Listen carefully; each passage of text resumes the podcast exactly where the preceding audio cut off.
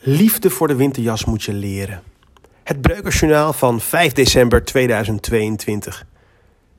Mezelf als heel modieus bestempelen zal ik niet doen. Al heb ik wel plezier in kleding. Mijn eigen kleding, die van mijn vrouw, La Hof. Ga graag met haar shoppen. En vooral ook kleding van anderen. Winterjassen van mannen zijn een categorie op zich. En dan met name de leren jas. En mocht je vrouw zijn of man of weet ik van wie, wat. En heb je nog nooit een leren winterjas, dan zul je nooit weten hoe die jas voelt. Zalig voorspelbaar en behagelijk als een baarmoeder.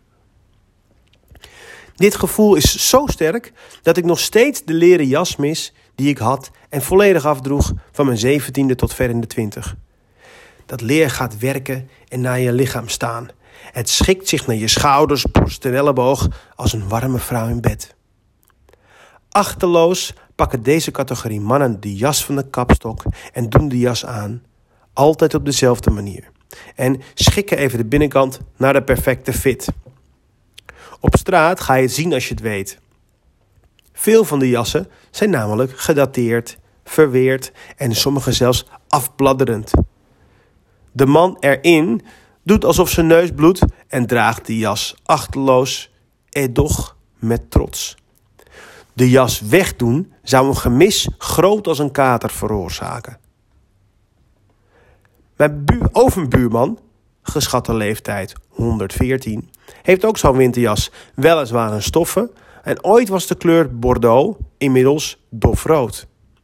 Je ziet aan die man dat hij die jas koestert om alles wat het is. De fit, de zakken, de voorspelbaarheid. En ieder jaar weer wordt de doffe rode jas weer aangedaan.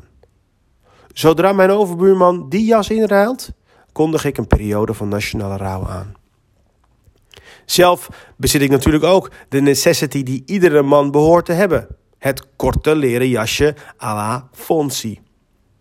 De mijne is voor het weergenre net wel net niet koud. Kortom, 80% van het Nederlandse weer. En we leven in december, dus het jasje is eigenlijk te koud. Maar ja, het zit zo onmenselijk lekker. Er is gelukkig een oplossing.